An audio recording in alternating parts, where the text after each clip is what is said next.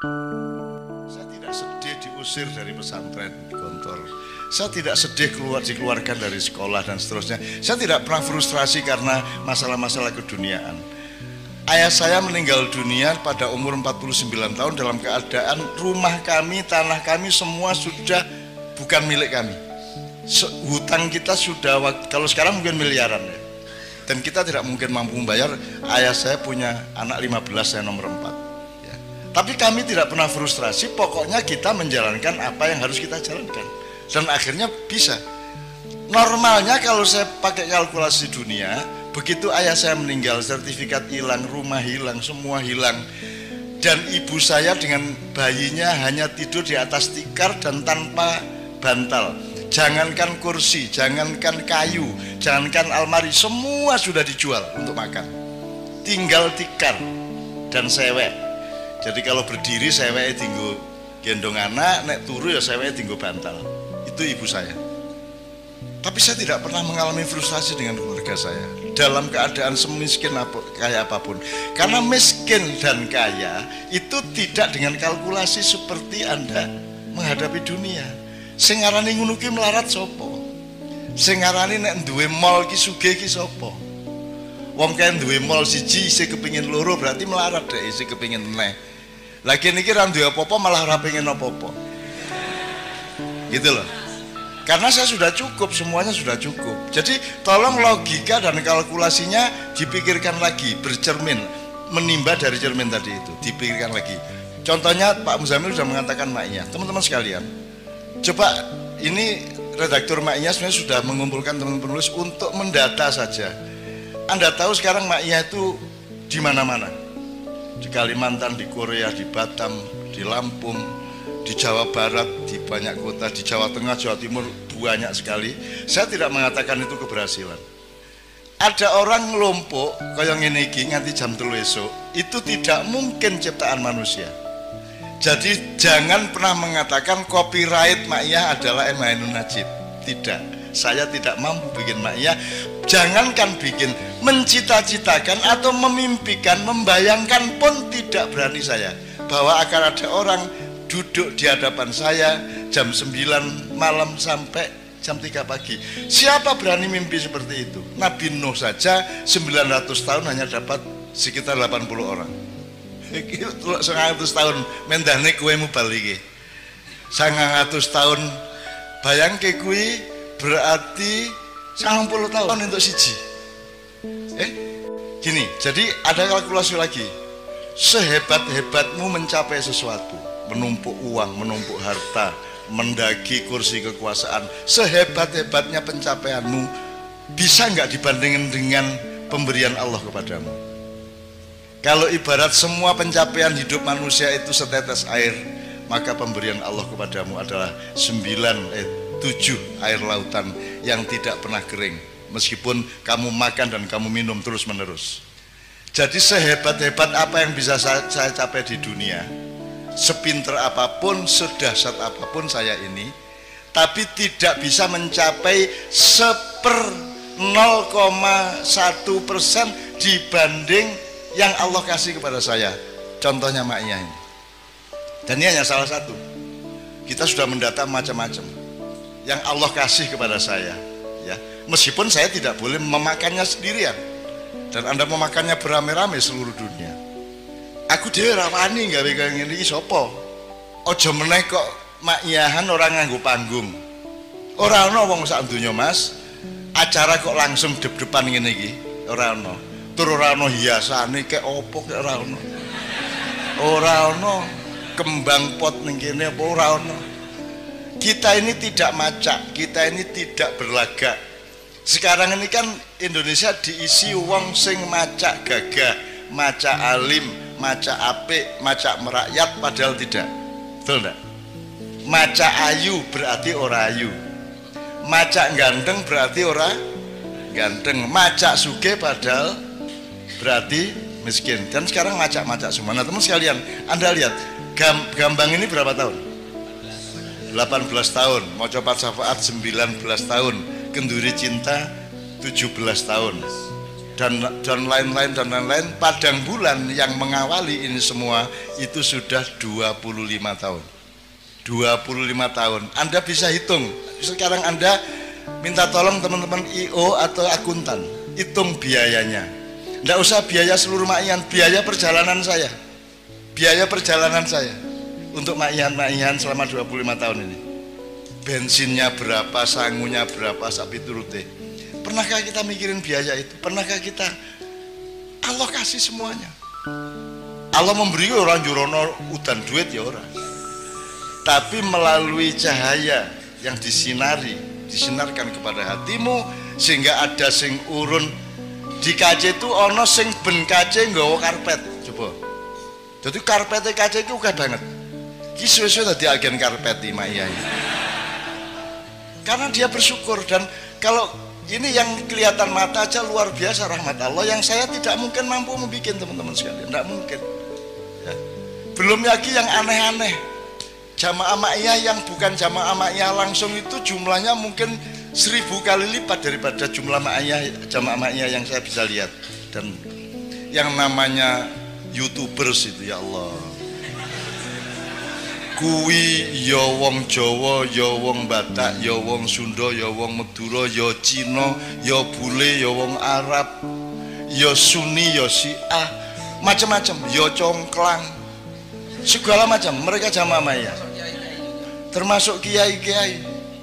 Dan ada yang anak dari Semarang kalau tidak salah Semarang apa Solo itu Makyahan ke Jombang itu naik motor sendirian dan dia masih SMA kelas 2 beragama Katolik. Kalau anda lihat Makyahan di mana-mana banyak anak-anak kecil ikut dan mereka tidak tahu kue kurumono cacilik orang tahu tak orang tahu. Pernah kamu melihat ada Makyahan pakai penjagaan keamanan? Albansur wal Kokam tidak pernah ada. Saya hormat kepada teman-teman Banser, Kokam, Satgas PDIP dan seterusnya. Tapi di Ma'iyah ini kita tidak mengancam siapa pun sehingga tidak perlu ada yang menjaga. Karena kita yang akan menjaga semuanya. Dan penjagaannya tidak karena kehebatan silat Anda, penjagaannya karena Anda ke sini ini untuk mencari Allah dengan hati yang penuh keikhlasan. Maka itu adalah keamanan yang seaman-amannya. Terakhir, Tolong teman-teman ikut mendata mas Saya itu tiap hari ya Allah Saya, saya, saya tuh sampai kadang-kadang tidak berani berdoa loh. Lah kurang apa tuh Gusti Allah ngasih saya itu? Saya lihat orang jilbaban Aku merasa Swargo kui Karena dulu saya memperjuangkan jilbab bisa-bisa Pak Ilyas tahu lah Bagaimana dulu tidak ada orang pakai jilbab. Saat kota belum tentu orang lima pakai jilbab. Dan saya memperjuangkan dengan keliling puisi dan drama lautan jilbab. Kue bisa ke Indonesia jadi lautan jilbab. Saiki lautan orang lautan jilbab. Aku biar kok wani ya ngomong lautan. Kok kudune jedeng wae wani aku. Siapa yang ngasih aku kata lautan itu? Dan sekarang kalau aku melihat toko-toko Anissa opo-opo-opo kue buatine sugih dodol jilbab dodol barang-barang Islam. Royal dan saya mereka tidak ingat bahwa saya adalah yang memperjuangkan. Royalti terbesar saya adalah karena mereka tidak tahu perjuangan saya itu royalti terbesar. Begitu aku merasa lu kamu kok tidak menghargai saya? Begitu aku punya perasaan seperti itu Allah lu kok orang kelingan aku tau kan gitu. Di Jogja itu di Jalan Ahmad Dahlan itu mas ada deretan warung-warung oseng-oseng mercon.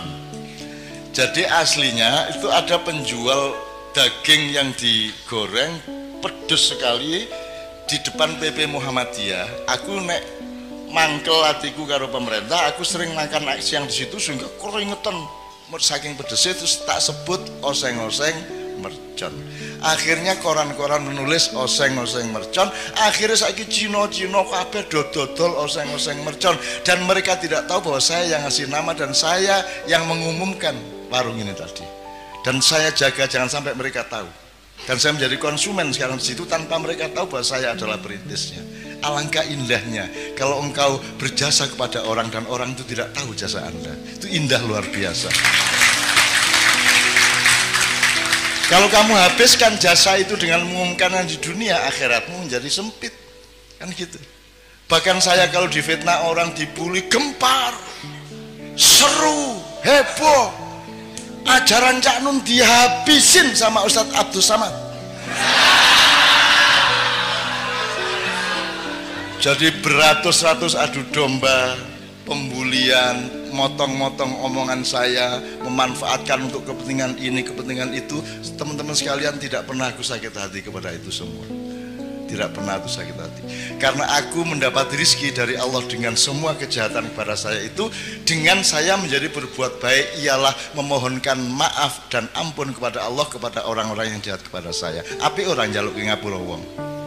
Mereka jahat membuat saya berbuat baik memohonkan ampun kepada mereka.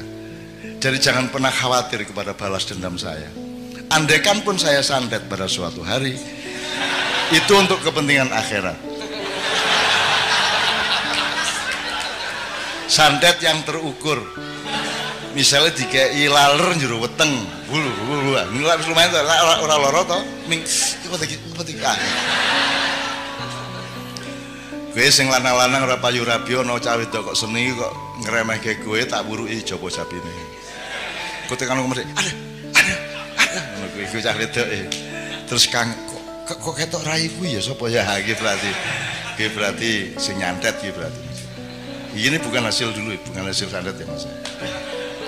Oke, jadi teman sekalian kalkulasinya jangan salah. Jadi gini loh, sekali lagi terakhir, jangan dipikir kalau anda fokus memprimerkan akhirat, lantas anda kehilangan dunia. Coba saya ingin nih, saya ingin nih, kowe ini saran saya kepada jamaahnya sekarang ini ya.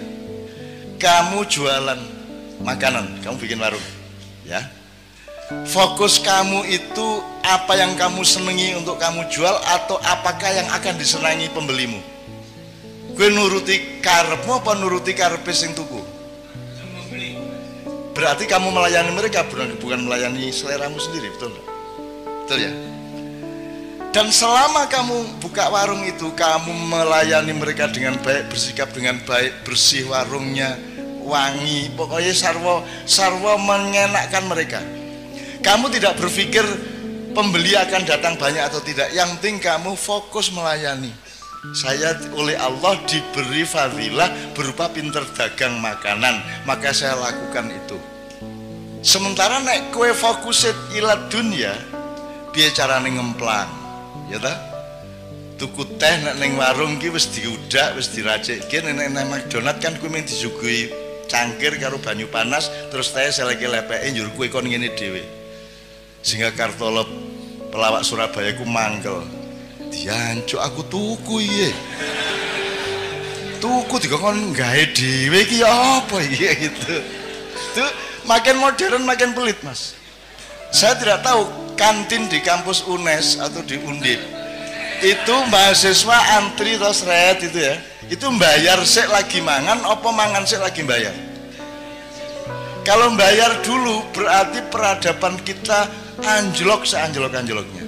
Berarti manusia saling tidak percaya secara sangat serius satu sama lain. Saya dulu pernah menulis di salah satu buku Silit Sang Kiai yaitu Mbah Wongso.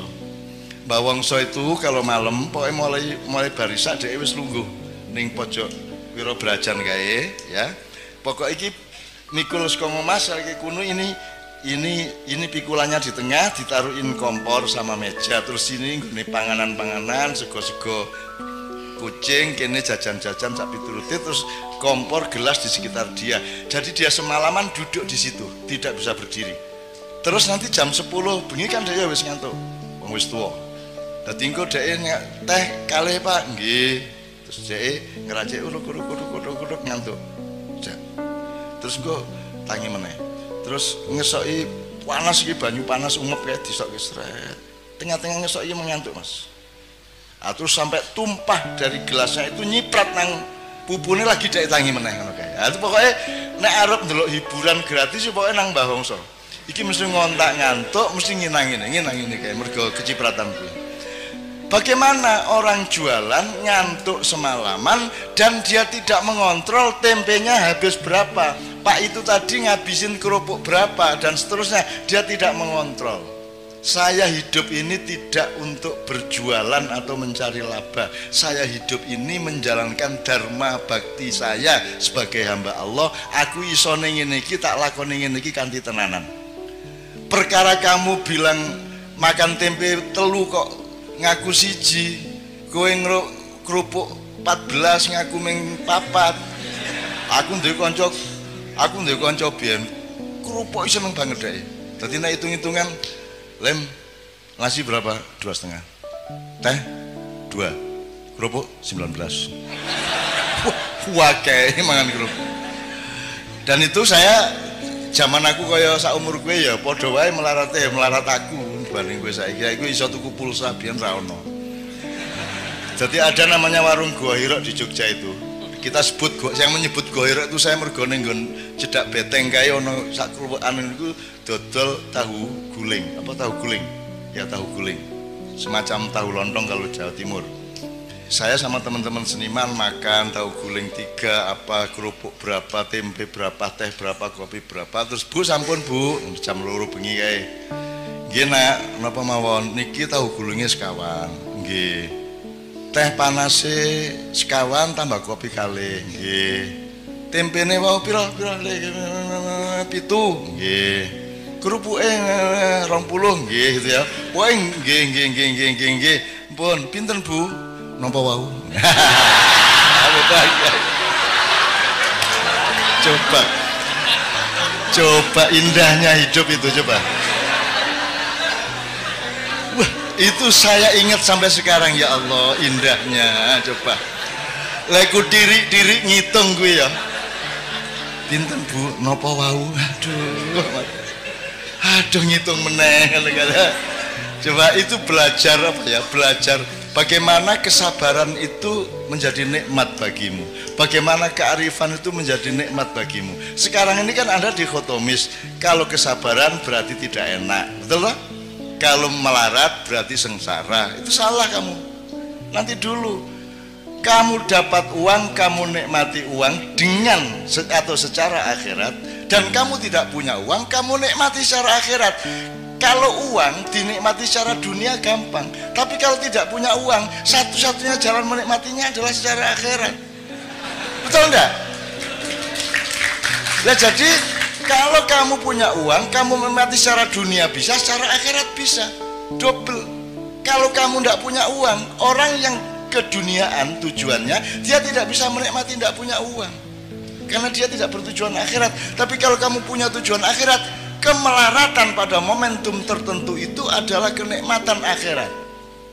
Tenang dek kui. Makanya sudahlah pertimbanganmu itu akhirat terus supaya dunia itu menjadi kamu kuasai nah pesan saya gini teman-teman sekalian anda tahu yang ini di ilmu ini kan Pak Saratri kan mengajar ilmu-ilmu sosial juga ya Ustadz ya Kan ada istilah first world country, second world country, dan third world country. Ada di sejak tahun 70-an dunia dibagi tiga. Satu negara dunia satu, kelas satu.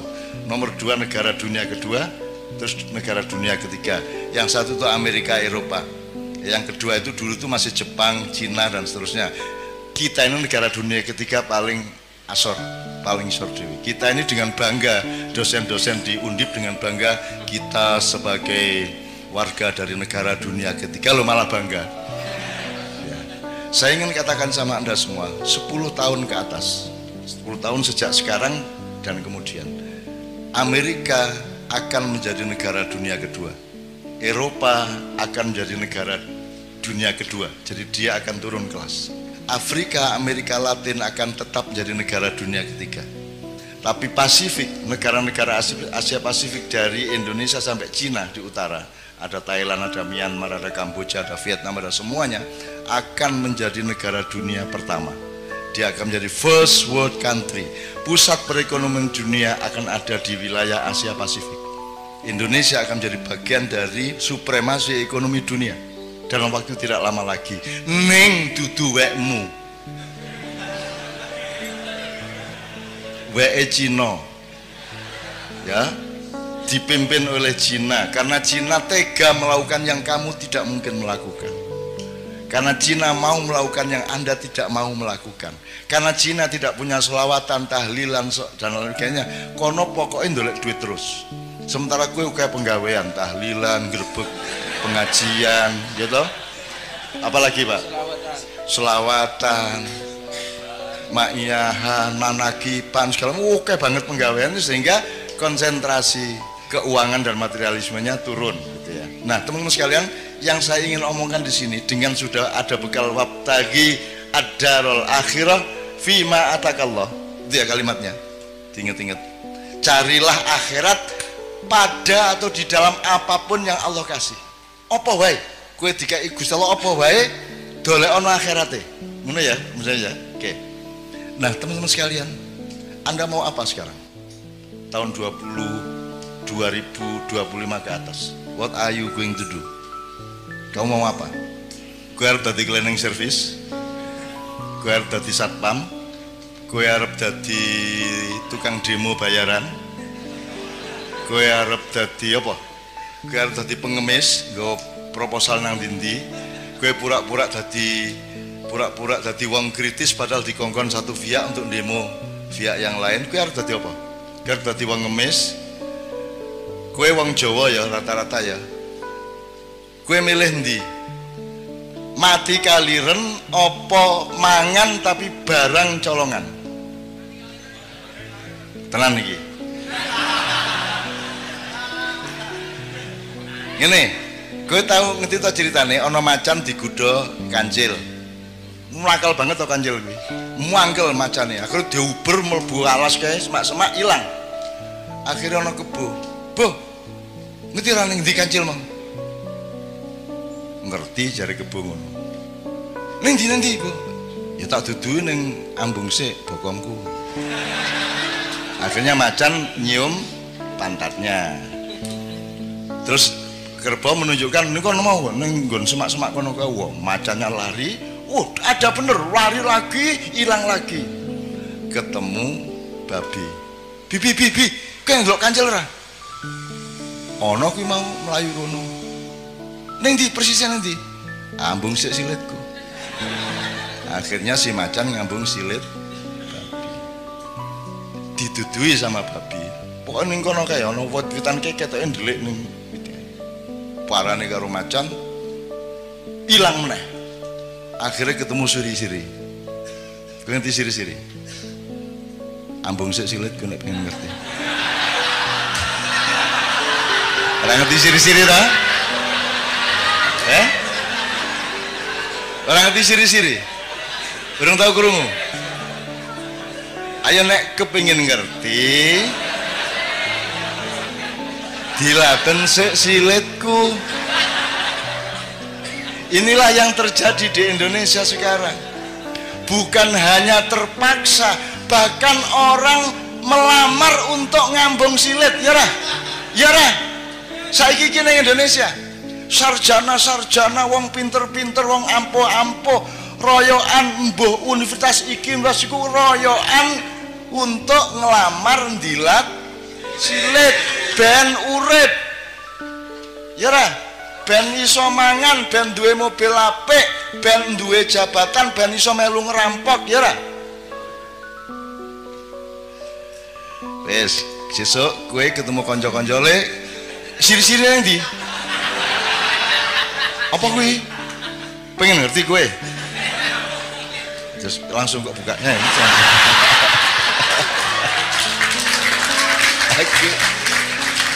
aku aku kayak banget ngono-ngono gue aku duwe konco Pak Muzamil orang Malang Bang dipecat. Dia kepala sekolah dipecat coba. Oleh kepala dinas. Gara-gara dia memainkan permainan saya.